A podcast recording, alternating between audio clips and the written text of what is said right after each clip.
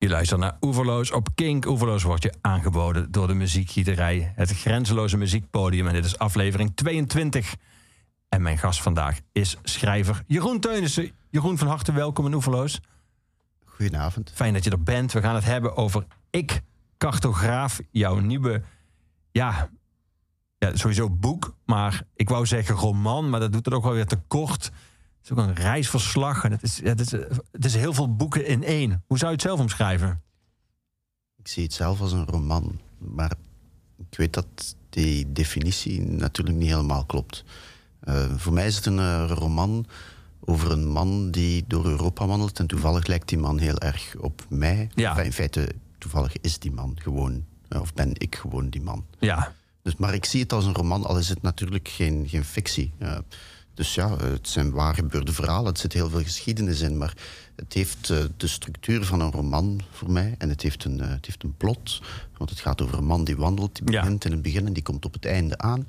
Maar het is niet de meest originele plot die ik, uh, die ik ooit gelezen heb. Um, maar um, voor mij is het in de eerste plaats toch een soort roman. Ja. Ja. Die man die zoveel op jou lijkt, die, zo die uh, lang gaat wandelen, ook van een half jaar, ja. uh, die is op zoek naar veel, ook op zoek naar antwoorden op vragen, maar hij is ook op zoek naar, wat je in het begin meteen uitlegt, ja, eigenlijk wat de antwoord op de vraag wat Europa nu eigenlijk is. Hij, hij, schrijft uh, vrijwel in het begin uh, van het boek Winter legde een sluier op de Ierse heuvels en dalen en ik besef dat ik in het begin stond. Dat hier op deze plek, in het oorverdovende ruisen van de oceanen met het verre uitzicht op het land, mijn persoonlijke Europa begon. Het Europa van mijn reis, Europa waarin ik geboren ben en waar ik mij graag geborgen wilde weten. Een woord en meer niet, een naam zonder veel betekenis. Europa, ecologisch verminkt, beschaafd, opgebouwd, van verhalen doordrenkt. Europa dat oud is en zich tegen wat en wie van buitenaf komt lijkt te willen beschermen. Europa dat zich met de verlichting en de westerse kunstgeschiedenis identificeert. Europa met 4G en free wifi geasfalteerd en bewoonbaar gemaakt. Voel jij je Europeaan? Ja, um, op een of andere manier wel. Uh, of ik zou het mij toch graag een Europeaan voelen. Ik denk het wel. Ik heb de, de, hele, de, de hele Europese uh, cultuur. Uh, of, de, de, verschillende Europese culturen en verschillende tradities. Ik heb daarvan heel veel, heel veel in mij zitten. Uh, ik ben ook een uh, typische witte man, witte veertiger. dus, dus dat ben ik ook helemaal. ik veronderstel van wel. Ja.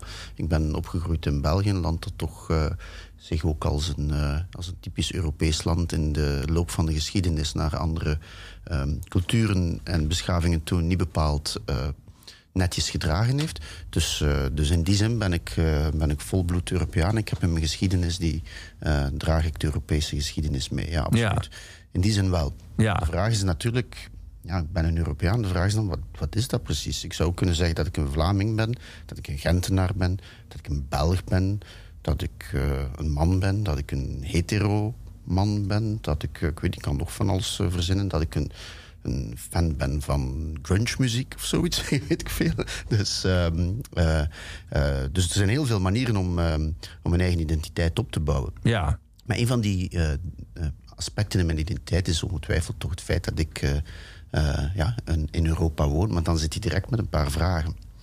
Want wat, wat is Europa eigenlijk? Geografisch stelt het niets voor. Je kunt het niet eens precies um, gaan, uh, gaan Afkaderen, afleiden. nee. Uh, het is een soort van, ja, een soort van uitstulpsel van, van Eurazië of zoiets. Ja. Appendix, of, dat is nu een beetje overdreven gezegd. Maar, maar toch, het is, het is maar een klein stukje van dat hele grote um, Eurazië. Dus, um, dus geografisch kom je er al niet. Dan moet je op een andere manier er naar op zoek gaan. En ik heb heel veel boeken gelezen over Europese geschiedenis, over Europese identiteit, over nationalisme, over, um, over de Europese Unie, over alle oorlogen die we gevoerd hebben enzovoort. Ik heb, uh, mijn hele leven heb ik daar al heel veel over gelezen. Over Europese kunst uh, enzovoort. Um, maar goed, wat is mijn positie daarin?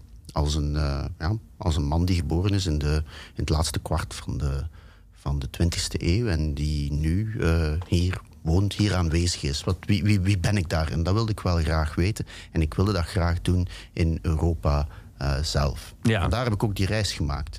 Ehm, vandaar heb ik ook gedacht, ik ga in Europa die reis maken. Want ik ben zoals uh, veel mensen, uh, of zoals wat meer mensen, ben ik na mijn studie vertrokken naar, uh, naar exotische oorden en heb ik daar rond gereisd. En, en Europa vond ik eigenlijk niet zo interessant. Um, maar dan, dan merk je, ja goed. en was je dan op zoek naar die plekken waar je naartoe ging, of wilde je vooral weg? Weg van hier, weg van je eigen land, je eigen continent? Ja beetje alle twee, denk ik. Ja. Ja, je wil natuurlijk, uh, ik wilde sowieso altijd al weg. Dat is duidelijk. Uh, ja. Dat is ook iets wat in, in mijn boek redelijk, nog een rol speelt, ja. redelijk aan, sterk aan bod komt. Dus, dus ik heb altijd een neiging gehad om weg te willen, om, om andere plekken te, te gaan ontdekken. Ik heb me ook nooit echt thuis gevoeld in, in het Vlaanderen waar ik, waar ik opgegroeid ben. Dus, want dat is zo'n kleine, volgebouwde plek. Dus, uh, dus goed, eh, dus ik wilde altijd naar exotische oorden. Was het voor die oorden of was het omdat ik weg wilde? Ja, een beetje van een beetje alle twee. Ja. ja. Uiteindelijk ga je dan, je vertrekt en de dag dat je op reis gaat, echt de dag dat je vertrekt om een half jaar te gaan wandelen, uh, in die periode komt er een artikel uit in een literair blad waarin tientallen auteurs de vraag beantwoorden: Is travel writing dead? Uh, het antwoord is dan weliswaar nee. Dat, dat, een bepaald type reisliteratuur blijft altijd bestaan. Maar er zijn ook vormen van reisliteratuur die een soort van legitimiteit verloren hebben. Is dat heel ironisch dat op het moment dat jij besluit dat jij op reis gaat om ook te schrijven, dat je leest dat voor veel auteurs die vorm van literatuur soort van legitimiteit verloren heeft. Ja. Het werkt kennelijk niet ontmoedigend. Want je bent gewoon vertrokken. Ja, daarom noem ik het ook een roman. Ja. ja. Um, ja, dat klopt. Uh, ik kan, kon, je iets, al... kon je iets voorstellen bij wat die mensen vonden dat die vorm uh, aan legitimiteit, legitimiteit, verloren had, wat, wat hun argumenten waren? Ja, absoluut. Ja, ja, ja, ja zeker. Um, ik ben zelf eigenlijk nooit een grote fan geweest van reisliteratuur, in het algemeen als genre. Um, of in feite vind ik de, de naam reisliteratuur niet zo, niet zo interessant. Net zoals ik ook het, uh, eigenlijk zelfs het onderscheid tussen fictie en non-fictie, of literaire fictie, literaire non-fictie enzovoort. Ik, ik vind dat allemaal niet zo'n interessante um, verschillen of niet zo'n interessante categorieën. Uh, wat mij boeit is, uh, is de vraag of er een, over een verhaal verteld wordt. En als uh, reisliteratuur, als daar het verhaal is dat een, een, een blanke man of een witte man die uit een, uit, laten we zeggen, bijvoorbeeld uit Groot-Brittannië vertrekt en naar een exotische plek gaat en daar vanuit zijn aangeleerde superioriteitsgevoel uh, op een lichtjes ironische manier schrijft over de avonturen die hij daar beleeft. Als dat reisliteratuur is, dan is dat oninteressante literatuur. Ja, en je, je, je, je valt een genre uh, samen, waar vrij veel boeken in verschenen zijn. Op daar, die manier. Daar zijn absoluut vrij veel boeken in verschenen. Ja, zeker. Ja. Als reisliteratuur iets anders is als reisliteratuur. Um, zoals bijvoorbeeld in het boek dat. Uh, dat, uh, dat een beetje als voorloper van mijn boek geldt. Enfin, ja. uh, voorloper, dat is wel zeer onerbiedig voor, dat, voor dat boek, maar laten we zeggen, dus, uh, de, de, de reisverslagen van Patrick Lee Firme. als, als een boek zoals die boeken gaat over een, een, een, levensverhaal of een, of een groter verhaal, dan kan het wel net weer zeer interessant zijn. Want dat is waarom bijvoorbeeld die boeken van Patrick Lee Firme, dat zijn drie boeken die hij geschreven heeft over een wandeltocht die door Europa gaat. Een beetje vergelijkbaar met de wandeltocht die ik ja. uh, gemaakt heb. Alleen heeft hij, bij mij is het 400 bladzijden, bij hem is het, is het 800 bladzijden. Dus voor de enigszins efficiënt lezende um, uh, Nederlandstalige lezer zou ik zeggen, kies mijn boek. Ja. Uh, dus nee, maar goed. Uh, um, als je die boeken van Patrick Lee Furman neemt, dan gaan die boeken niet in de eerste plaats, of niet alleen maar over de plekken die hij tegenkomt, maar dat gaat over een uh, oude man die terugdenkt op zijn jeugd. Ja. Daar gaat het ook over. En dat, is, uh, dat is een beetje een, een tragischer, uh, ander verhaal. Dat is een verhaal dat, dat een, een heel andere dimensie geeft. Het, het gaat over een man die terugdenkt. Ik zal het anders zeggen. De boeken van Patrick Lee Firme zijn geschreven in de jaren uh, 70, 80 en het uh, laatste deel is verschenen begin uh, 21ste eeuw postuum. Die gaan over een reis die de man gemaakt heeft in begin 1930 als jonge man. Dus die boeken gaan niet zozeer over, uh, wat, over de, de, anekdotes die hij tegenkomt, laten we zeggen, het is geen reisblog of aan la lettre of iets in die trant. Zoals vele reisliteratuur wel een soort reisblog aan la, Ja. van la lettre is en dan niet interessant is. Het zijn, ehm, het zijn boeken die gaan over, die, eh, over, over, over dat verleden en over hoe, dat, eh, hoe hij daarop terugkijkt. En hoe hij daar eigenlijk naar terug eh, hunkert naar de spontaniteit van die jeugd en naar ook het Europa dat verdwenen is. Dat vind ik een interessant verhaal. Ja. Of er zijn heel veel andere verhalen mogelijk. Je zou kunnen. eh, het is ook een, boek dat, een, een verhaal dat ik in mijn boek vermeld. Je zou kunnen verwijzen naar bijvoorbeeld het, het reisboek van eh Xavier Lemaitre uit eind 18e eeuw.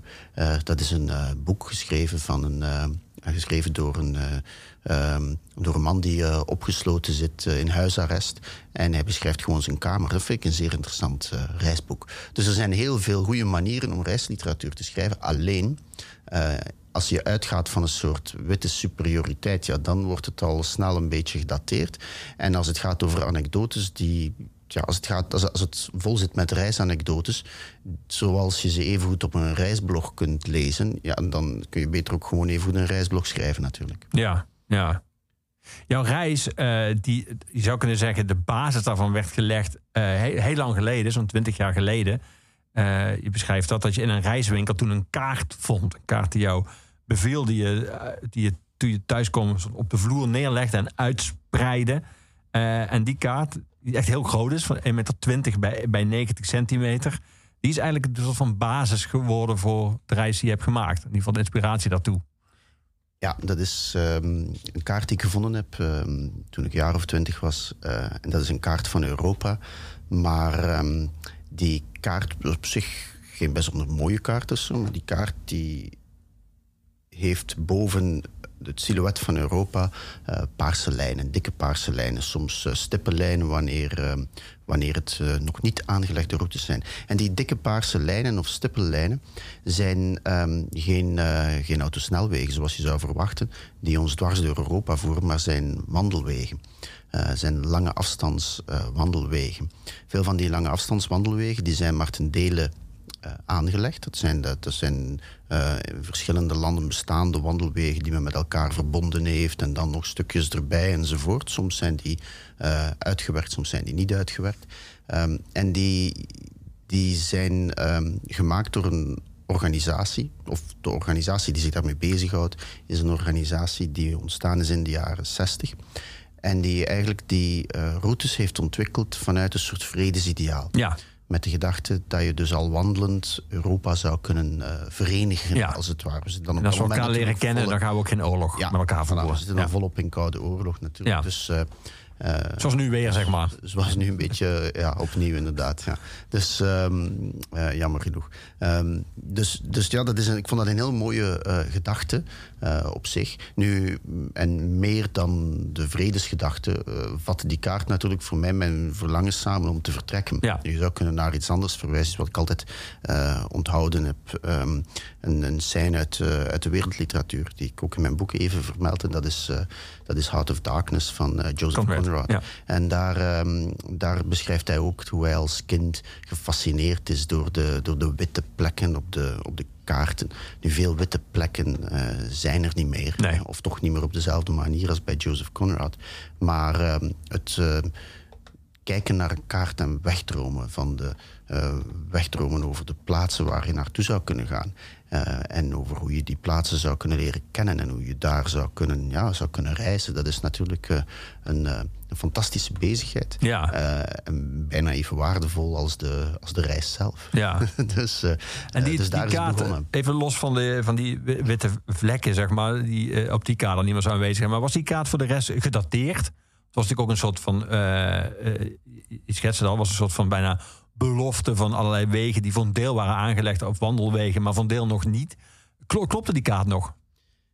Ehm, min of meer in grote lijnen. Hm. Die kaart is natuurlijk van begin van de jaren negentig. Dus eh, bijvoorbeeld eh ehm, Tsjechië en Slowakije zijn nog Tsjechoslowakije. Ja. Eh, Joegoslavië bestaat nog enzovoort. Dus, dus er zijn daar een aantal landsgrenzen die nog bestaan. Ehm, en de, de eh, lange afstandswegen die op de kaart, is- die op de kaart zijn eh, aangeduid. eh, sommige van die lange afstandswegen zijn, van die lange afstandspaden, zijn natuurlijk al verder aangelegd dan ze op de kaart Ja. aangeduid zijn. En eh, er zijn er ook een paar bijgekomen. Ik geloof dat er op de kaart 11 staan en dat er tegenwoordig 12 zijn. Of er staan er 10 op de kaart en het zijn er 12, ik weet het niet precies. Ehm, dus er is daar wel al een en ander veranderd. Maar die routes zijn op zich niet echt ehm, heel sterk gewijzigd. Bovendien, ik heb die kaart natuurlijk als basis genomen. Maar uh, je kunt niet met een kaart van een meter 20 op 90 centimeter door Europa wandelen. Dus ik had nog wel een paar meer gedetailleerde kaarten nodig om te kunnen vertrekken. Ook wat compacter, denk ik. Ook wat compacter, ja. ja. ja. Ik zei dat, Jeroen, we gaan uh, uitgebreid praten over je roman. We gaan ook muziek draaien. Muziek voor een deel die, uh, die waar, nummers waar ik aan moest denken terwijl ik jouw roman las. En voor een deel nummers die je zelf hebt aangedragen. Die op de een of andere manier iets voor je betekend hebben. Of die je geïnspireerd hebben. Of, of die je gewoon heel mooi ja. vindt. Een nummer waarmee we gaan beginnen is That Leaving Feeling uh, van Stuart Staples. We kennen hem van Tindersticks. Die prachtige donkere stem. Um, waarom deze? Uh, omdat uh, het, is, het, is, niet alleen een nummer van Stuart Staples, het is van Stuart Staples en Lassa de Sela. Vind ik ja. belangrijk om ook te vermelden, want Stuart Staples heeft een, een, inderdaad die fantastische donkere stem. Maar Lassa de Sela, die jammer genoeg een jaar of tien geleden op veel te jonge leeftijd overleden. Ja, en uh, altijd is, een soort van mysterie is gebleven. Ja, zijn. Ja, begon heel. Mysterie is gebleven. Die, die heeft de meest fantastische, prachtige, bezwerende muziek gemaakt. Hij ja. heeft ook zo'n hele bezwerende um, stem. En de combinatie van die twee stemmen is op zich al genoeg om, om bij weg te dromen. Ja. En ja, waarom dit nummer? Als je naar de tekst luistert, is het vrij logisch. Natuurlijk, het gaat over, een, over iemand die wil vertrekken. Tegelijkertijd is het ook een zeer clichématige tekst, zou je kunnen zeggen. Net zoals dat bij mijn boek. Ik kan niet zeggen dat mijn boek clichématig is, pas op. Hè. nee, nee, maar, dus, maar tegelijkertijd... Gewoon een soort discussie met jezelf. Ja, ja, je... was, ja, ja, dus, maar uh, tegelijkertijd um, uh, is het hetzelfde cliché, een beetje zou je kunnen zeggen, als in mijn boek. Want in, de, in het nummer is het de man, Stuart Staples, die zegt dat hij moet, moet vertrekken en dat hij uh, de drang heeft om te vertrekken en, uh, enzovoort. Wat in mijn boek uh, dan als fernweh beschreven wordt met een Duits woord. Dus een soort um, antoniem van, van heimwee dan. Ja. En dus, dus, dus het is de man die dat beschrijft, de drang om te vertrekken. En het is de vrouw die hem probeert tegen te houden. Het is natuurlijk een, een huizenhoog cliché. Um, maar goed, in mijn boek, uh, omdat ik nu eenmaal degene ben die vertrokken is en omdat ik nu eenmaal zelf ook een man ben, dus is het een beetje hetzelfde cliché, uh, zou je kunnen zeggen. Ja. Dus wat dat betreft klopt het ook wel. Ja, maar mis ik in jouw boek wel iemand die jou smeekt om te blijven. Ja, dat klopt. Ja, ja, ja. Maar ja, ik heb wel. Ja, dus smeken, er is niet gesmeekt dat ik zou blijven, maar ik heb wel iemand achtergelaten natuurlijk. Dat ja. wel. Ja. ja. Maar je kwam ook weer terug. Ik kwam ook weer terug. Ja. We gaan luisteren. That Leaving Feeling.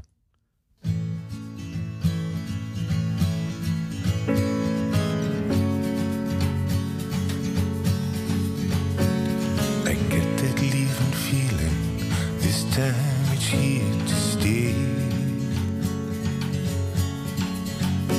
I've been weighing up the pulling and pushing me away.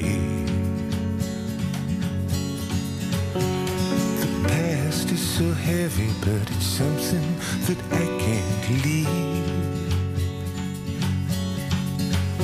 And this future's so sudden, it just pushes me to my knees. Is that your heart talking? Just that befuddled mind? The people that you love, they change when you leave them behind. But this rope that is pulling is whittled down to a thread. And if I don't start climbing pretty soon, it'll be over my head. We all have dreams of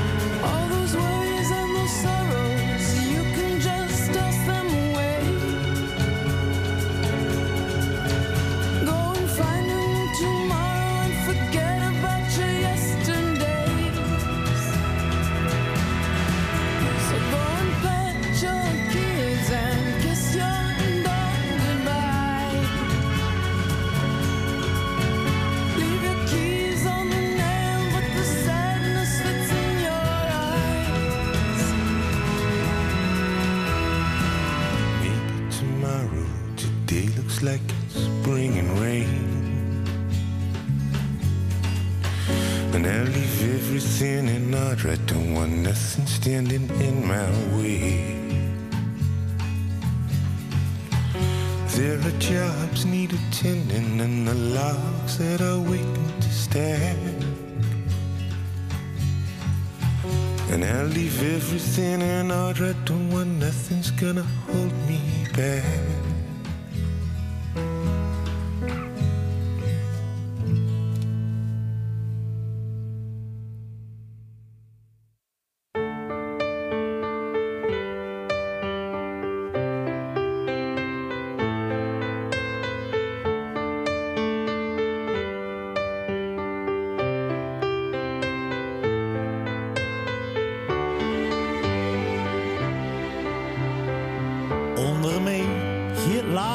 voorbij, vliegtuig werkt zich omhoog. De wolken door, nog twaalf voor, en het zonlicht gaat branden in mijn. Oh, ik hoop dat ik sloop, misschien wel het mij. Als ik droom van een boom in een zomerse wei. Auto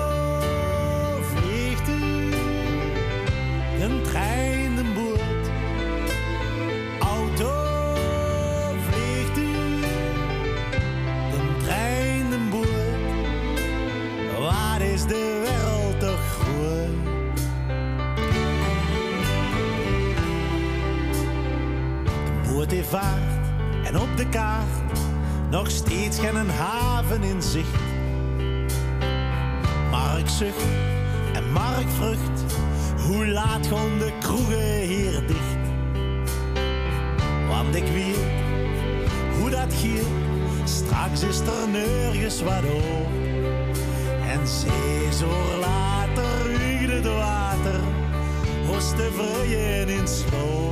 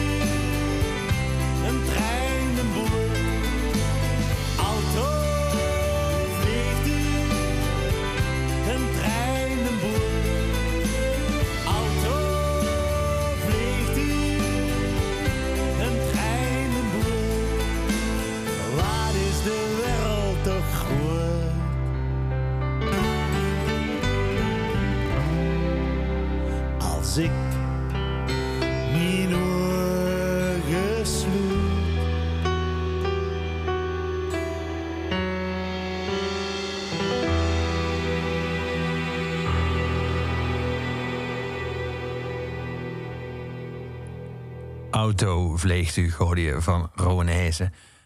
Misschien vraag je je af, Jeroen, waarom draai je dit nummer in het Limburgs? En stond niet op mijn lijstje. En heb je dan niet begrepen dat ik aan het wandelen was en niet in het vliegtuig zat?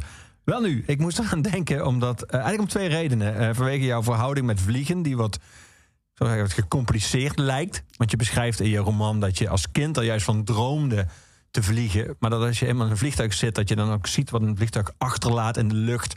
Dat je er toch het gevoel hebt dat je een soort van iets aan het vermenken bent. Ja. Ehm, Maar ook omdat je dat een paar keer aanhaalt. Je haalt een paar keer die Xavier de Mestre, zeg ik dat goed? Aan Ja. De man die toen hij in Turijn huisarrest had... tot de conclusie kwam dat reizen niet synoniem is... aan het aantal kilometers dat je aflegt... maar te maken heeft met andere zaken. Met je nieuwsgierigheid, met je blik... met je mentale bereidheid om de vertrouwde denkpatronen achter te leggen. In dit nummer zit, ik zal het even uit het Limburgs vertalen... eh, van Jacques Poels, de prachtige zin... als ik mijn ogen sluit, zie ik elke dag wat meer... Dus het nummer gaat eigenlijk over dat je ook heel veel reizen kan maken in je hoofd. Gewoon in je eigen fantasie, in je eigen eh, verbeelding. Ehm, ondanks dat, ondanks ook dat, eh, die, die fraaie conclusie van die Xavier de Mestre... heb, je toch, heb jij toch de conclusie getrokken dat om datgene te onderzoeken en te zien wat jij wilde zien... je echt fysiek je moest verplaatsen. Je had dit niet kunnen doen, dit hele boek kunnen schrijven... deze reis kunnen maken alleen in jouw hoofd.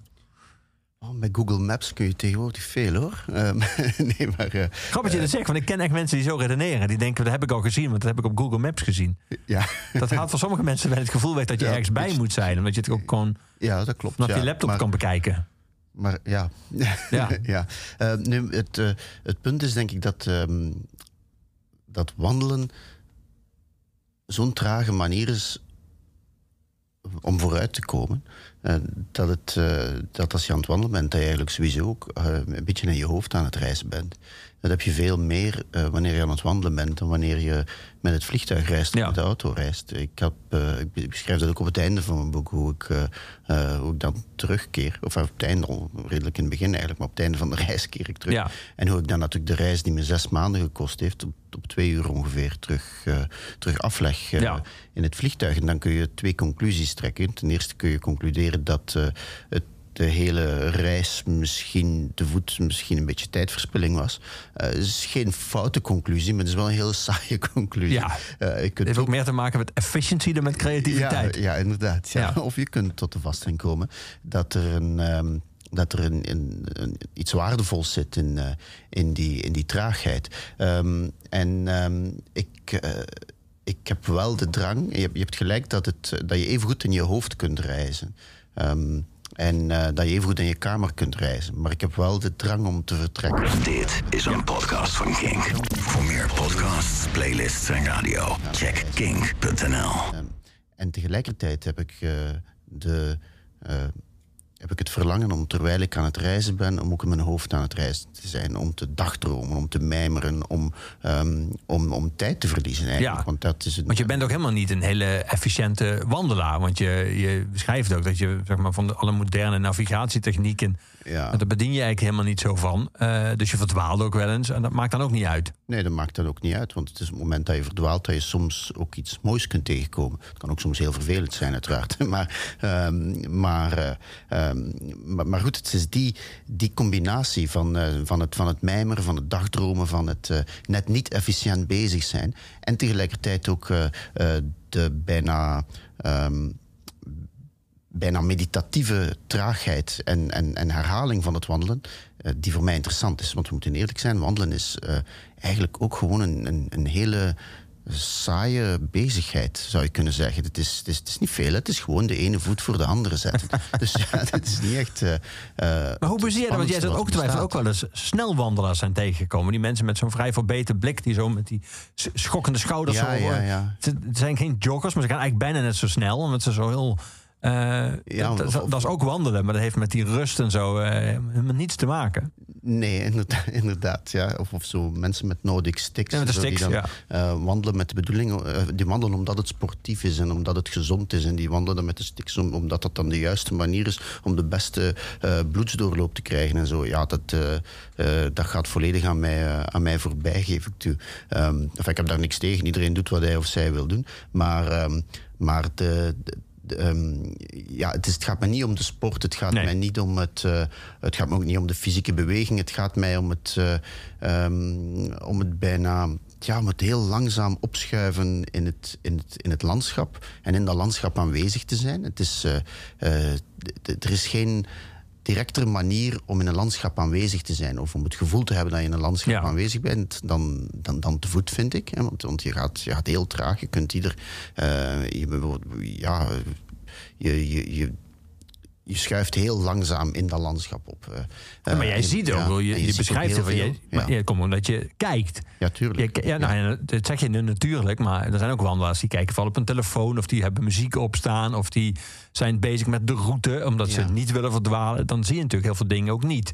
Dus jij kijkt zo, als ik jouw boek lees, kijk je echt om je heen en je blijft ook wel eens staan. En je, Ja, ja, absoluut. Ja. Ja. Ja. het is ook eh, iets wat ik niet begrijp.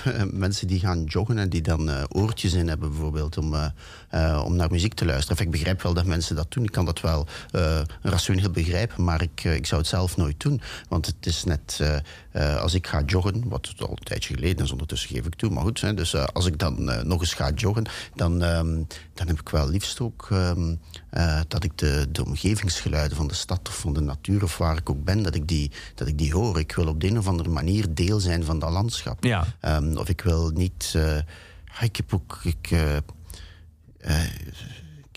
ik, wil niet in mijn eigen bubbel opgesloten zitten. Tegelijkertijd ben ik ook aan het dromen natuurlijk. Het is een mengeling van alles wat ik zie en wat ik hoor. En uiteraard ook, eh, het is ook een creatief proces. Op het moment dat je aan het kijken bent, op het moment dat je ehm, de wereld in jou aan het opnemen bent, ben je die tegelijkertijd ook aan het interpreteren. En ben je er ook dus creatief iets mee aan het doen. Het een staat niet los van het ander. Nee. Eh, en dat is voor mij wat zo, ehm, wat zo waardevol is. En dat is ook iets wat, eh, wat wij mensen kunnen. En, en eigenlijk een van de weinige dingen eh, die wij kunnen en die dieren veel minder goed, andere dieren veel minder kunnen, is dat wij kunnen. eh, eh, de zaken zien, horen, en met onze zintuigen waarnemen en er dan prachtige verhalen mee construeren en er op een creatieve manier mee bezig zijn. Ja. En, ehm, en dat is eigenlijk voor mij de rijkste manier om bijvoorbeeld, zoals ik het dan wilde, om bijvoorbeeld Europa te leren kennen.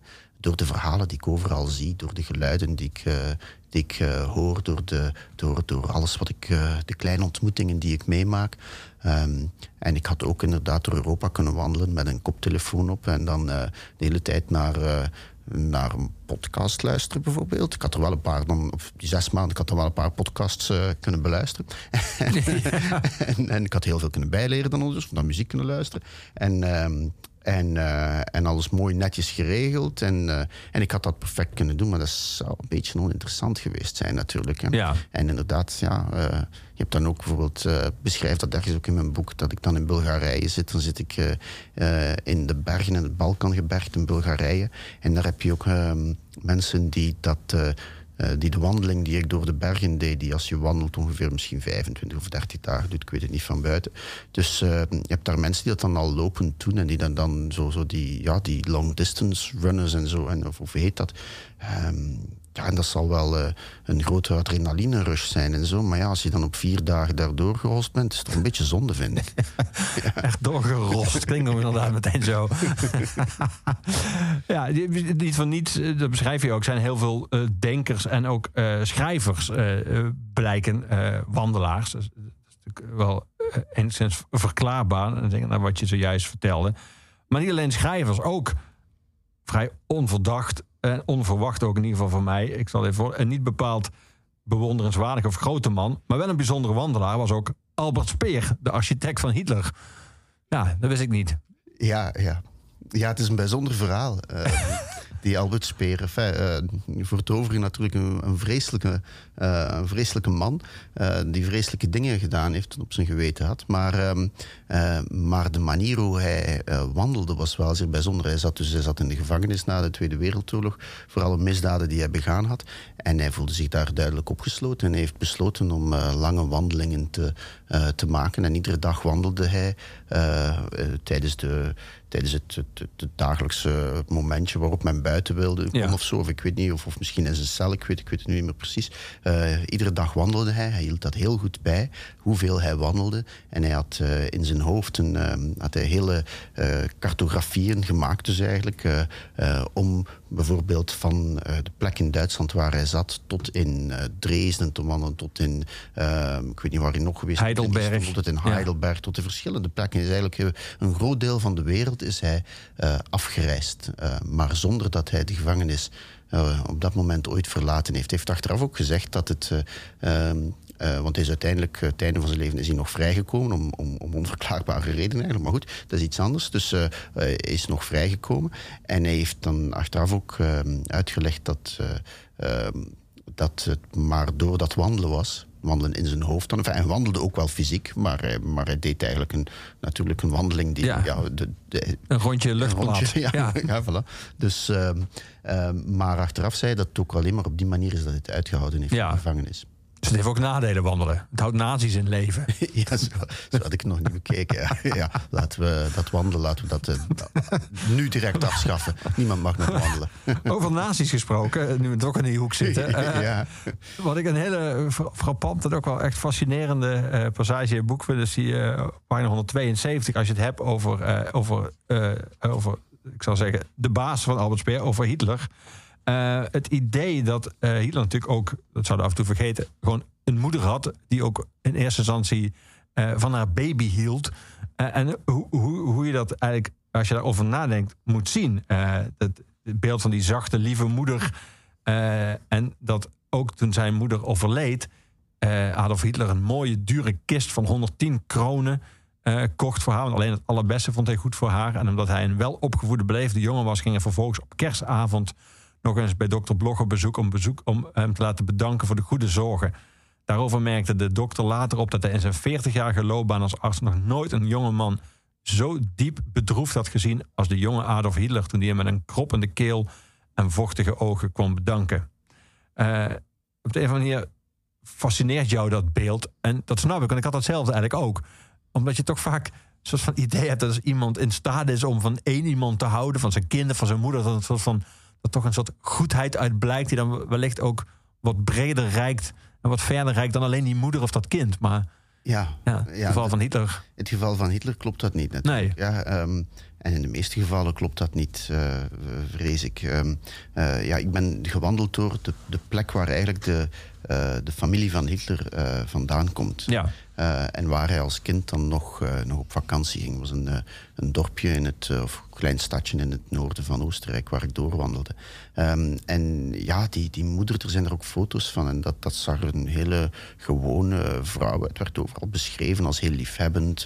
en er was een hele diepe liefde tussen Adolf Hitler en, en zijn moeder. Het is een heel vreemde gedachte dat een man die wij beschouwen als het, de, de verpersoonlijking van het kwade, Ja. Ehm, dat die man eigenlijk tot zo'n diepe ehm, gevoelens. eh, ehm, en tot, tot zo'n diepe gevoelens in staat zou zijn. Enfin, het, is, het is een vreemde gedachte, maar tegelijkertijd is het ook naïef om te denken dat het een vreemde gedachte is. Want wat, wat hadden we gedacht natuurlijk? Maar het is, ik zal het anders zeggen, het is een veel comfortabelere gedachte om te denken dat Adolf Hitler daar niet toe in staat Dat hij alleen maar kwaad ja, is, Dat ja, hij alleen maar kwaad is Ja. natuurlijk. Dus, eh, eh, dus daarom dat die, dat, dat, dat verhaal, dat dat een van de verhalen is die mij fascineert en die blijkbaar jou ook fascineert Ja. natuurlijk. Het, het ironische aan het verhaal is dan natuurlijk dat die dokter die zijn moeder verzorgd heeft, dat het dan een Jood bleek te zijn. Hè. Eh, ehm, en dat eh, Hitler dan ook, die man, die dokter Bloch, uiteindelijk ehm, wel ehm, een beetje de hand boven het hoofd is blijven houden in een eh, heel zeldzaam moment van ideologische inconsist- inconsistentie, laten we zeggen. Bijna gezegd incontinentie. Ja, nee. ja. Ja. Dus, eh, dus ja, dus dat is wel dat is een, eh, een fascinerend verhaal. En eigenlijk, ja, dat, dat is wel het leuke aan, ehm, of dat was het fascinerende ook en het mooie aan de reis die ik gemaakt heb, is dat ik eh, overal verhalen tegengekomen ben. En je zocht die niet. Je was niet op zoek naar die plek en dan iets wat met Hitler te maken. Je, kon het echt, je liet het echt op je afkomen allemaal. Nee, want iedere, ja, ik liet het op me afkomen in die zin dat, eh, dat onder iedere steen in Europa wel een stuk geschiedenis zit. Ja. Dat is natuurlijk eh, wat eh, zo typisch die is was je nog, in die zin was je nog vrij snel thuis weer. Ja, als je het zo bekijkt wel, ja. dus, eh, dus ja, dat is... ehm, eh, als je dan besloten hebt al wandelend om... eh, om, om een soort, ehm, voor jezelf een soort Europese identiteit te creëren of jezelf te proberen plaatsen binnen, de, binnen Europa, ehm, dan is, is de manier hoe dat je in Europa moet maken is door verhalen. Want zoals ik al gezegd heb, Europa bestaat niet geografisch, dus je moet het op een andere manier Ja. vormgeven. En er zijn ontzettend veel verhalen, er is ontzettend veel geschiedenis. En de meeste van die verhalen zijn hele. ehm, ja, zijn niet zo'n leuke verhalen. Meestal zijn het verhalen die. die ja, van die, dus het is de oorlog, het is moord, het is, eh, eh, het is de ene na de andere. Het is één hoop ellende eh, als je erover nadenkt. Ehm, maar je kunt dan ja, proberen om in die verhalen om dan een paar andere verhalen te vinden en om eigenlijk uit, al die verhalen om daarin een soort, ehm, eh, soort identiteit te, te vinden of een soort verleden te vinden waarin je, eh, je een weg kunt, eh, kunt banen. Ja. Ehm, en natuurlijk, je kunt een. Als je, als je een identiteit probeert te creëren, want dat is natuurlijk wat dat je dan probeert te doen. Hè. De vraag naar bijvoorbeeld een Europese identiteit, of een, of een Nederlandse identiteit, of een Limburgse identiteit, of een Vlaamse, of een Belgische identiteit, of weet ik wat nog allemaal. Ehm, dus als je dat allemaal ehm, probeert om, om die verhalen. eh, om, om, om jezelf een, eh, een identiteit te geven, eh, dan kun je dat op een hele ehm, discriminerende manier doen. Dan kun je dat doen door, door, door de verschillen te zoeken. Maar het is veel mooier om de verenigende verhalen te, ehm, te zoeken. En dat zijn de verhalen die me ook meer boeien. Ja. Of die, eh, die waardevoller zijn voor mij. Ja.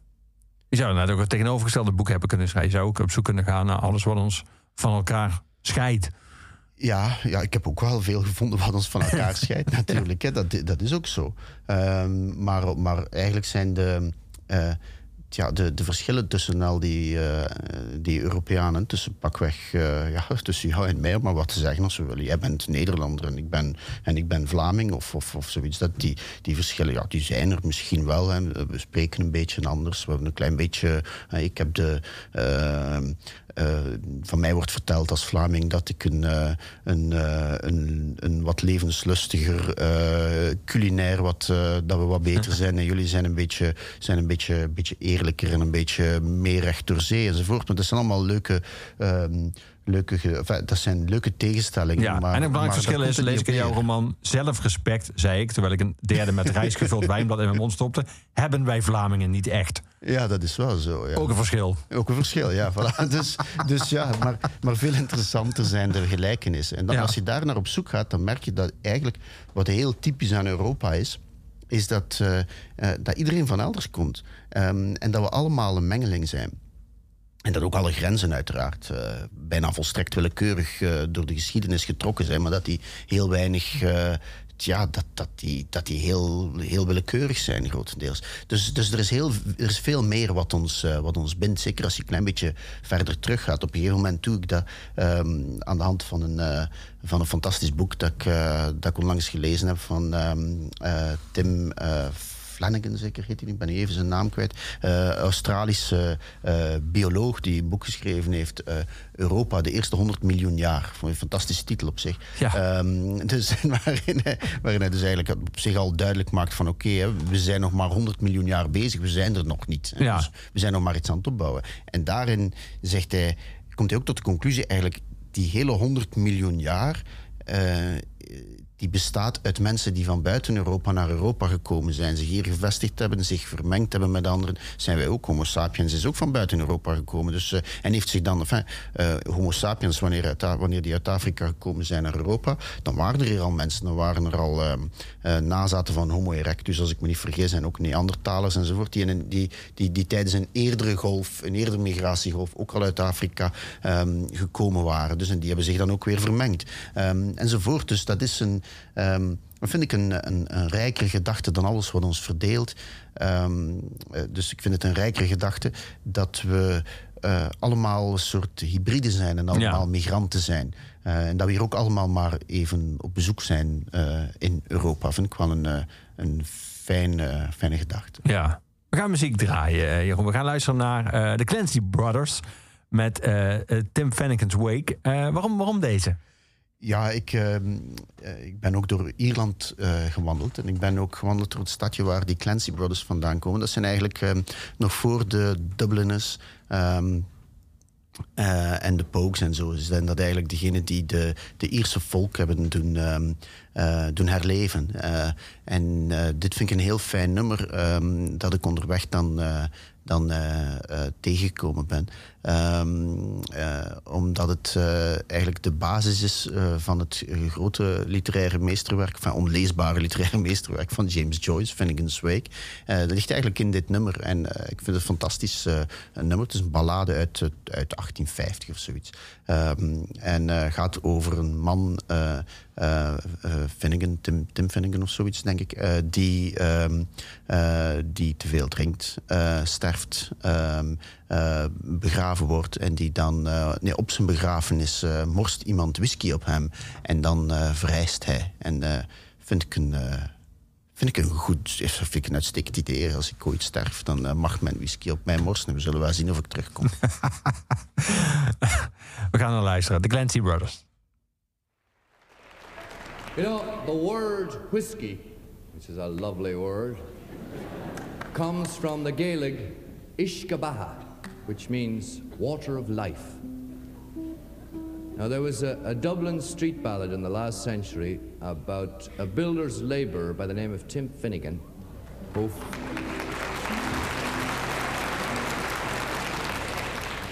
who fell from a ladder and broke his skull. And they had a wake for him, and at this wake there was lots of Ishkabaha, or water of life. There was also lots of fighting, drinking, dancing, everything, you know.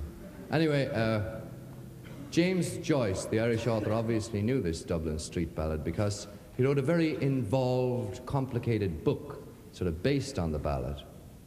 And for one thing, he was fascinated with the idea of having the water of life at a wake.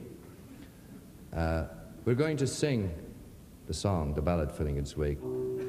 Tim Finnegan lived in Walking Street, a gentle Irishman, mighty odd, in a beautiful brogue so rich and sweet. Rise in the world he carried a see the sort of a tippling way, with a look for the liquor poor Tim was born. To help him on with his work each day, he'd drop of the crater every morn. And wake for the dino, dance to your partner, well to blow your colours shake. Wasn't it the truth? I tell you, lots of fun at Finnegan's Wake. One morning Tim got rather full, his head felt heavy, which made him shake. Fell from a ladder and he broke his skull, and they carried him home, his corpse to wake. Roll him up in a nice clean sheet and laid him out upon the bed.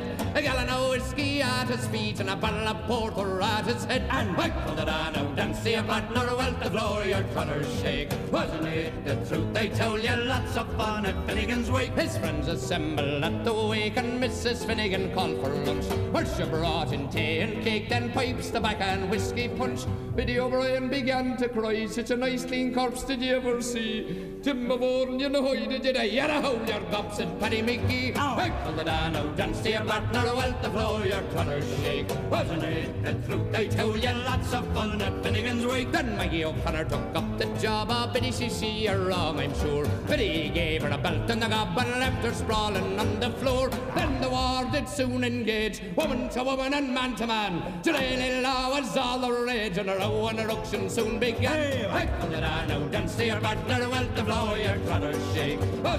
The truth? They tell you lots of fun at Finnegan's Wake. Then Mickey Maloney raised his head when a noggin of whiskey flew at him. It missed and fallen on the bed, the liquor scattered over Tim. Tim revives, see how he rises. Timothy rising from the bed. Ted, what'll your whiskey around like blazes? Stand on Monday, do you think I'm dead? Ah. Wait for the dano, dance to your partner, well to blow your colours shake. It the truth? I told you lots of fun at Finnegan's Wake. Sam Finnegan lived in Watling Street, a gentle Irishman, mighty in a beautiful brogue so rich and sweet. To rise in the world he carried a heart. See, it's sort of a tipping way with a love for the liquor poor Tim was born. Help him on with his work every day, hit a drop of the catheter every morn.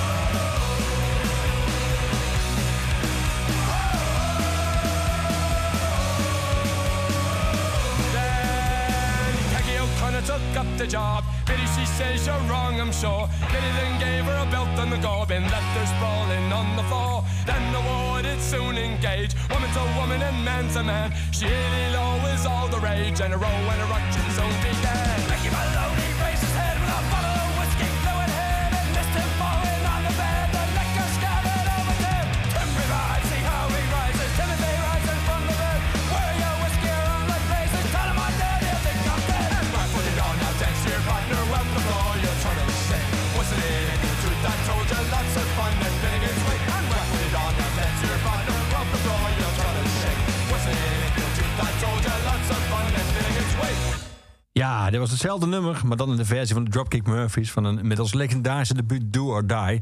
Deze kende jij niet, ik ken die van jou niet. Dus nu hebben we allebei een andere versie van hetzelfde nummer geleerd. Eh, wat wel grappig is, want we hebben het over reizen... en over eh, dat we uiteindelijk in Europa allemaal migranten zijn. De Dropkick Murphys hebben Iers bloed, maar wonen in Boston. Dus zo komt dit verhaal dan ook weer aan de andere kant Ja, van de oceaan terecht. Ja, de en Clancy- leeft daar verder. Ja, en de Clancy Brothers zijn eigenlijk eerst doorgebroken, ook in de Verenigde Staten en dan pas in Ierland doorgebroken. Ja. Eigenlijk is die, heel veel van die Ierse revival is, is in de Verenigde Staten begonnen. Ja, Dus ja, ja maar ik kende die, die versie van jou niet. Ja, ik vind het fantastisch. ja. Ja, denk heeft natuurlijk dezelfde energie. Het is gewoon echt een heel goed nummer. Dus Ja. je kan er veel versies van maken en het blijft gewoon overeind. Je schrijft ergens eh, vrijwel aan het begin van jouw eh, roman... Een reis is het verhaal achteraf. En zo, voert, de terug, zo vormt de terugkeer naar huis geen eindpunt... maar eerder een soort van voortzetting naar de proloog. Dat idee van het, een reis is het verhaal achteraf. ehm, had jij het gevoel dat als je de reis die je hebt gemaakt... als die niet tot deze roman of een roman of een verhaal had geleid, dat, dat je hem dan, nou, ik zal niet zeggen net zo goed niet had kunnen maken, maar dat hij dan minder betekenis zou hebben gehad?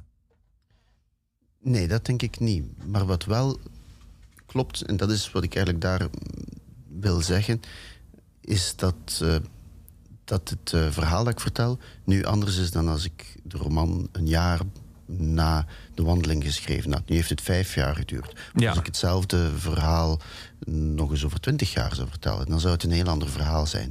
Omdat altijd, dus om- omdat de, het, het verhaal natuurlijk ehm, ontstaat ook uit de wisselwerking van, eh, van, het, van, van wie ik nu ben en de herinnering aan die reis. Dus Ja. de, de reis is in die zin de herinnering.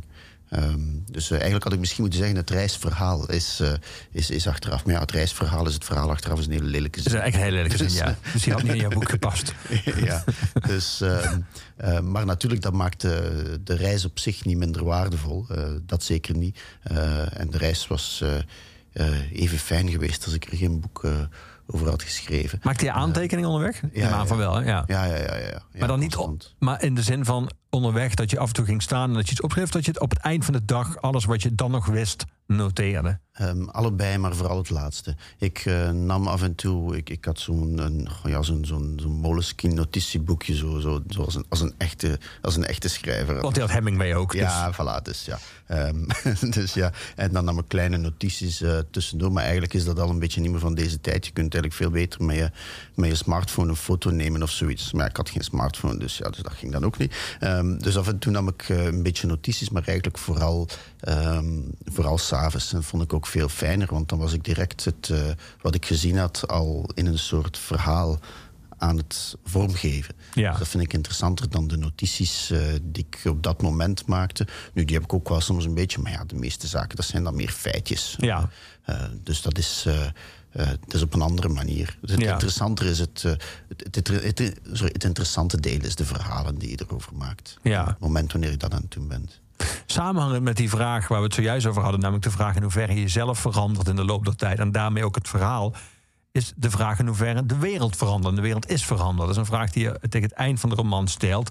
Wanneer je zegt, soms zegt iemand dat de wereld waarin mijn zonen opgroeien verschilt van de wereld waarin ik zelf opgegroeid ben. En meestal bedoelt men dan dat de laatste tijden veel veranderd is. Digitalisering, bevolkingsgroei, klimaatverandering of concreter andere speelgoed, eh, andere waarden, opa's en die langer leven, ouders met meer stress.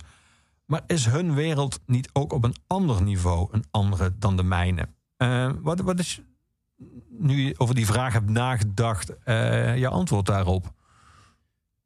Ja, ten eerste is duidelijk dat de wereld veranderd is. Ja, ehm, in, in die zin, en dat zie je ook. ehm, ehm, dat mijn boek in zekere zin al een beetje gedateerd is. Ik zeg dat niet in een, in een negatieve zin. Zeggen, het is het net uit, hè? Ja, ja, want ik, ja, ik zou nooit iets negatiefs zeggen over mijn eigen boek natuurlijk. Je moet het lezen. Maar het is, eh, het is in zekere zin al een beetje gedateerd. Het is ook goed, want het is een, eh, het is een, een reis die ik gemaakt heb vijf jaar geleden. En je ziet al verschillen met, eh, met vandaag natuurlijk. De reis is gemaakt bijvoorbeeld... Ik ben door Oek- Oekraïne gewandeld op een gegeven punt. Ja. En dat is natuurlijk iets wat nu, waar je nu met een heel, an, waar je nu met een heel andere blik naar kijkt... Ja. dan, dan op het moment dat ik eh, eh, door Europa wandelde.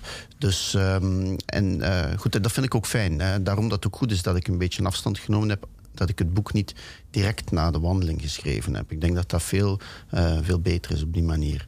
Ehm, tegelijkertijd, ehm, in dat fragment dat je, dat je voorlas, waar ik probeer aan mijn zonen uit te leggen, of waar, probeer ik, waar ik probeer te weten te komen wat dat nu eigenlijk is, de wereld, wat dat, wat dat precies inhoudt, wat dat woord betekent. Ehm, ja, de wereld is. ehm, we leven ook allemaal een beetje in onze eigen wereld natuurlijk, in ons eigen hoofd. In onze, we zijn altijd eh, wat we zien en wat we waarnemen, niet alleen zien, maar wat we met onze zintuigen waarnemen, op de een of andere manier in een, in een verhaal aan het gieten. Dus, eh, en dat is onze, on- on- onze wereld. Dus iedereen woont in die zin ook een beetje in, een, eh, in zijn eigen wereldje, eh, in zijn eigen hoofd. Ja. Ehm, en, en het is, eh, het is eh, fijn om bijvoorbeeld wanneer ik dit boek geschreven heb, wanneer nu iemand dat boek leest, dan vind ik het heel fijn dat iemand eh, heel even ehm, in, eh, zich een, een, kaart krijgt om zich een, weg door mijn hoofd ook even te, te banen. vind ik wel een, een leuke magische kracht die ik als schrijver toch heb. Ja.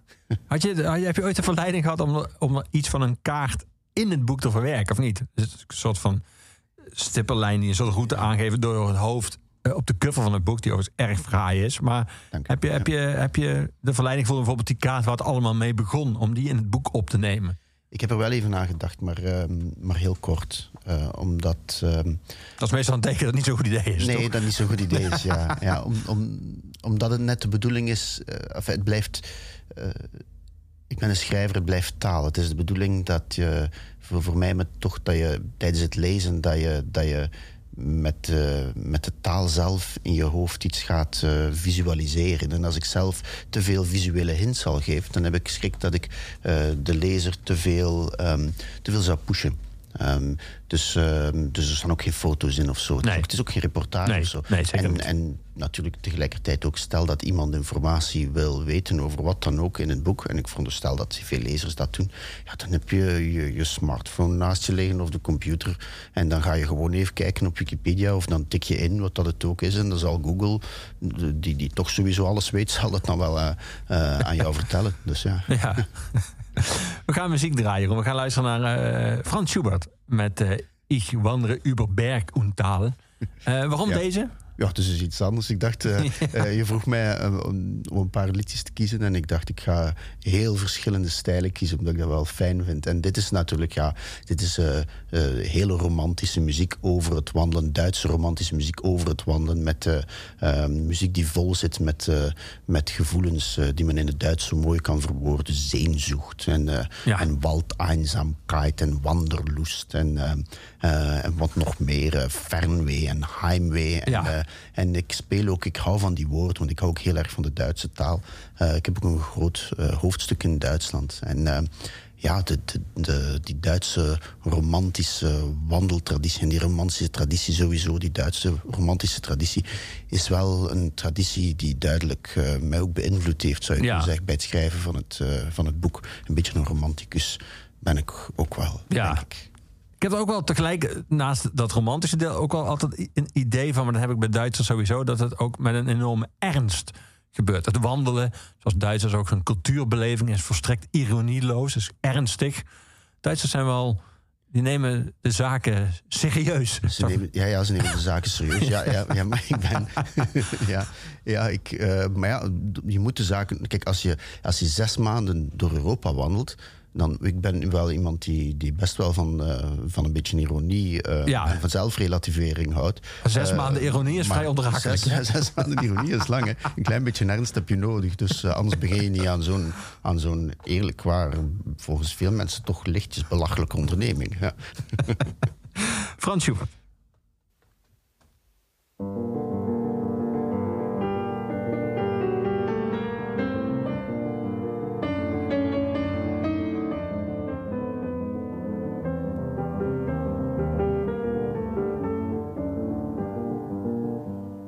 Ich wandre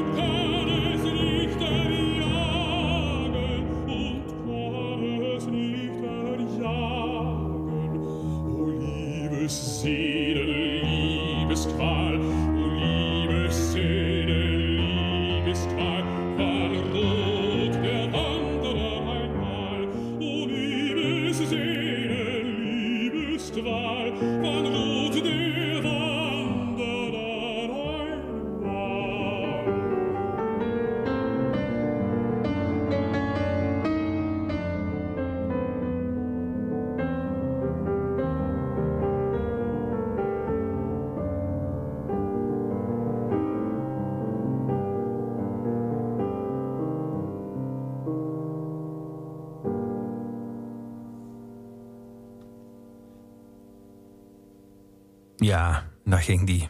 Uberberg und Taal. Jeroen, zou je, nu we het zo uitgebreid hebben over je roman... eh, een passage uit je roman willen voordragen? Ja, natuurlijk. Eh, ja, ik, ga het, ehm, sorry, ik ga het begin lezen. Eh, de eerste paar bladzijden. Ik was alleen. Alleen met een miljoen jaren al tegen de rotsen botsende, klotsende, hotsende watermassa. Basis van alles. Van de eerste eencelligen en van heel wat gedichten. Alleen ook met de wind en met mijn eigen blik op de verte. Over de oceaan hing dunne nevel als flarden karnemelk, maar voorts bleef de lucht helder. Waardoor ik in het zuidwesten nagenoeg perfect de vormen van de op zo'n 15 kilometer afstand gelegen eilanden kon waarnemen. Het kleinere en ontoegankelijke Little Skellig, grillig en gekarteld, met een hoogste top op 132 meter boven de zeespiegel, en ten zuiden daarvan het grotere Skellig Michael of Great Skellig, met twee puntige toppen, waarvan de zuidelijkste 217 meter bereikt. Als ruggen van geschubde zeemonsters rusten in het donkergrijze nat de eilanden en er voorbij, vechtend met die eilanden, bevond zich duizenden kilometers ver alleen nog maar zee. Voorbij die zee het continent waar sinds de verschrikkelijke Ierse 19e eeuw veel meer Ieren wonen dan in Arran zelf. Twee zonen van Mil Espagne, de mythische voorvader van alle Ieren, sloegen hier ooit tegen de klippen. En later, in een minder mythisch, maar haast even onwaarschijnlijk verleden, leefden op Skellig Michael monniken eeuwenlang in de barste omstandigheden. Zichzelf ten dienste van de grote onbestaande kastijdend, met ontbering, koude, vocht, wind en nooit verhoord gebed. Op een hoogte van 182 meter, slechts via een gladde stenen trap te bereiken, liggen de resten van een nederzetting. Zes in de vorm van bijenkorven gebouwde stenen hutten en twee bootvormige oratoria, waarboven duizenden zeevogels hen iedere minuut van iedere dag met een menselijke beperktheid moeten hebben geconfronteerd.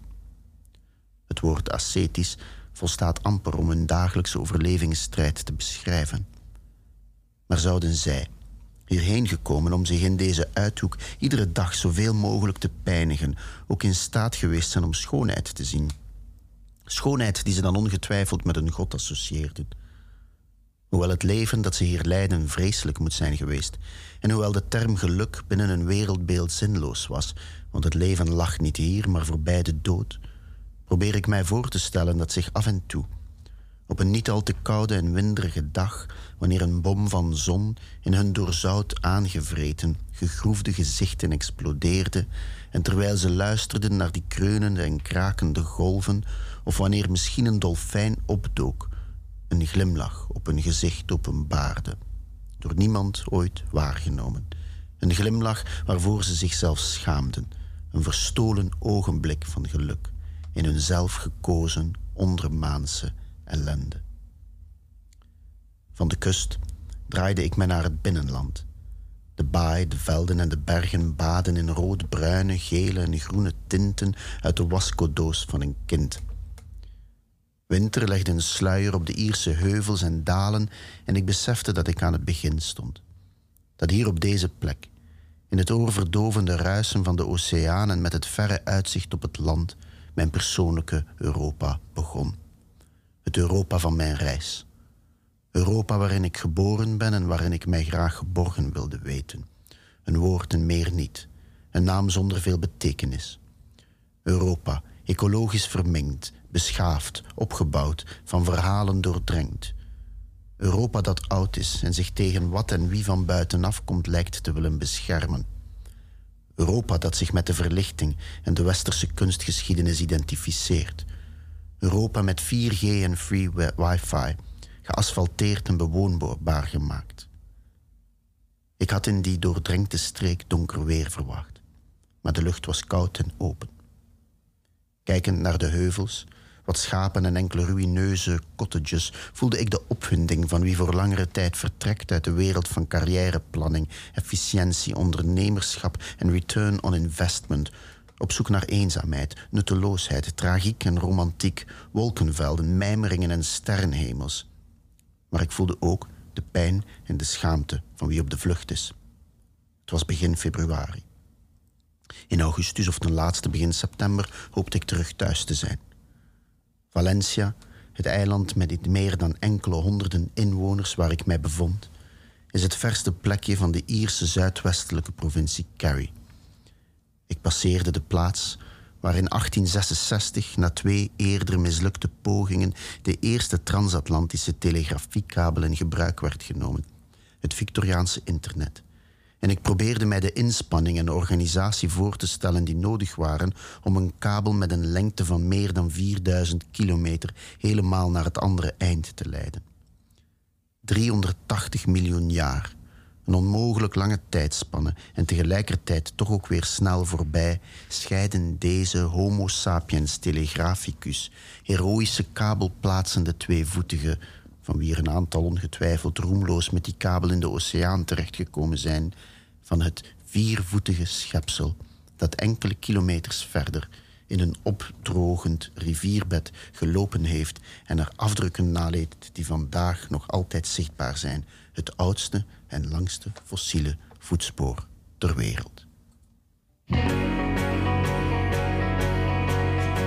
Werd nogal lang, dus ik dacht,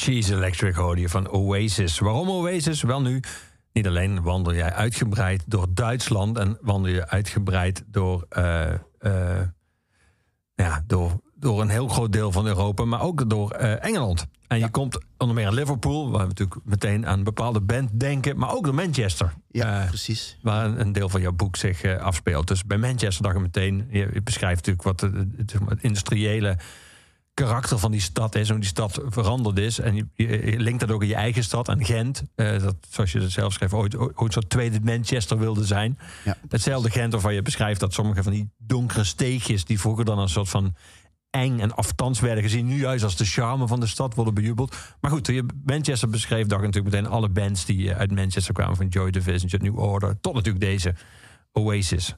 Had je dat vaak, dat je soort culturele referenties had... ook bij de plekken waar je, waar je kwam? We hebben het over Duitsland gehad en over Frankrijk... maar had je dat ook bij... eh, Ja, ja.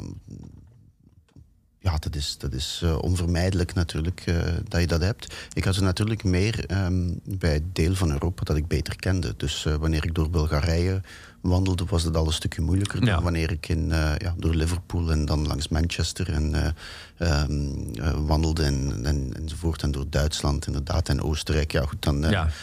Nederland, dat, is, dat ligt meer voor de hand. Dus ja, ja, absoluut. Ehm, in, in, in die zin is het ook wel interessant, of was het voor mij ook wel interessant om te zien hoe wij hier in West-Europa nog altijd onszelf een beetje als het middelpunt zien. Natuurlijk hoe weinig, ehm, of hoezeer wij het, Oost-Europa, of wat wij als Oost-Europa zien, en wat eigenlijk in vele gevallen Centraal-Europa is, wij dat, wij dat nog Ja. altijd een beetje toch als het, eh, het ongekende, eh, wat andere Europa beschouwen. Zo. Dat Europa van die vreemde Slavische talen en, en dergelijke meer, waar we eigenlijk zeer weinig van, van af weten. ja, Dus ja, dus, mijn ref- dus ja, maar uiteraard, als je aan het wandelen bent, kom je onvermijdelijk constant referenties tegen. En dat is ook het, wat, wat de, de reis voor mij zo, zo fijn maakte.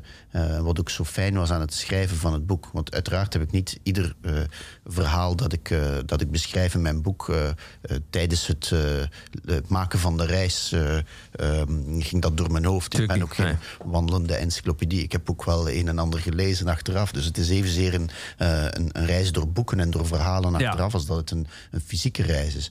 Dus, ehm, eh, maar dat is het, het, het fijne, dat je natuurlijk overal verbanden kunt leggen. Je komt dan inderdaad, je reist dan in... eh, ehm, in, in, in Engeland door Liverpool, ehm, langs Manchester en zo naar eh, Kingston upon Hull. En dan vandaar naar, eh, naar Hoek van Holland. Eh, dus Europoort en Hoek van Holland. Dus, ehm, dus ja, als je daar dan wandelt, dan kom je natuurlijk een heel stuk tegen, bijvoorbeeld van de eh, vroege Europese industriële, van de, van de Europese industriële revolutie. En dat kan je dan weer linken naar mijn eigen stad Gent, die ook heel erg eh, een deel van die Europese, van, van die industriële revolutie eh, was. En dat kan ik dan zelfs linken naar mijn eigen huis, dat ik nu heb, dat eigenlijk een, een, een beluikhuisje, zeggen we in het Vlaams. Dat zijn kleine, hele kleine arbeiderswoningjes eh, die gebouwd zijn in de eerste helft vaak van de 19e eeuw. En zo staan er in, Hen, in Gent een hele hoop. ehm, die gebouwd werden als arbeiderswoningjes en die, eh, die de bedoeling hadden ja, om, om, om dan, enfin, die heel klein waren en heel armoedig en, en om die grote gezinnen huisvesten. En die nu natuurlijk vandaag eh, heel veel geld waard Ja. zijn, omdat dat hele charmante ehm, eh, woningen zijn. En, dus, en dan kan ik dan ook weer, dan kun je dan weer een link leggen enzovoort. En dat is natuurlijk het leuke aan een dergelijke reis dat, je, dat alles met elkaar op de een of andere manier toch eh, samenhangt. Dus Ja. dat op de een of andere manier overal verbanden te vinden zijn. Ik moest er niet echt lang naar zoeken. Het is niet dat ik echt... eh, eh, ik heb wel goed gewerkt op het boek, maar het is niet dat ik heel hard constant bezig was met waar kan ik hier Nee, nee, of dat je krampachtig- nee. Komt vanzelf. ja, ja. Ehm, dus, En jouw relatie ja. met de kaart waar het allemaal mee begonnen is, die van 1,20 meter bij 90, Ja. die je niet kon, om praktische redenen niet kon meenemen en die voor een deel ook gedateerd was, omdat Ja. zei dan bijvoorbeeld Joegoslavië en Tsjechoslowakije. Maar toen, eh, heeft hij een soort ereplek in jouw huis of, of, of in jouw hart of in jouw hoofd? Of, eh, of heb je die nu opgeborgen van nou, de, de missie is volbracht, bedankt kaart, Eh, er is nu de roman? Ik heb, ik heb een paar andere kaarten die, eh, die aan de muur hangen bij mij nu. Ehm, maar eh, die kaart heb ik inderdaad opgeborgen. Ja. ze, heeft lang, eh, ze heeft lang boven mijn bureau gehangen. Eh, ook nog vooral in mijn vorige woning. Ehm, maar, ehm, Zit erop voor de ik, kaart. ja, de taak is volbracht. het, is, het is niet waar. Nee, het zit er niet op. Het is niet waar. Ik heb, ik heb toch ehm, eh, vorige week of twee weken geleden heb ik ze nog eens boven gehaald. Want dan had ik ze nodig, want iemand had gevraagd voor een interview om de kaart te mogen zien. En, zo. Ah, ja. dus, en dan heb ik toch zitten dromen van, ja, zouden niet een keer van Noord naar Zuid ook door het park kunnen wandelen? Dus eh, Dat is de reden dat je hem hebt opgeborgen. Uit zelfbescherming. eigenlijk wel, ja. Ja. Jeroen, hartstikke bedankt dat je er was vandaag in Oeverloos. Ik vond het fijn om met je te praten. Ja, Ja. nee, ik vond het fantastisch. Het was eh, heel fijn om hier te zijn. Ik, cartograaf, uitgegeven door De Bezige Bij. Eh, je ziet hem meteen liggen in de boekhandel. Want het is een van de mooiste covers die op dit moment in een boekhandel liggen. Eh, we gaan er één nummer draaien, Jeroen. Eh, het laatste nummer van Oeverloos, door de muziekgieterij aangeboden... is altijd een nummer van onze postuumhuisdichter Luc de Vos. Jou zeer bekend, want uit hetzelfde Gent waar jij woont. Ja. Dus ik, eh, ik eh, laat het aan jou over om een nummer uit het eh, rijke oeuvre van eh Gorky en van Luc te kiezen. Welk nummer van eh Gorky zou jij graag willen horen ter afsluiting van deze Oeverloos? Ja, het is een hele moeilijke keuze natuurlijk. eh, maar ehm, eh, laten we zeggen, Monstertje, dat vind ik een heel mooi lied. Prachtig. We gaan naar luisteren. Gorky ter afsluiting van deze Oeverloos met Monstertje.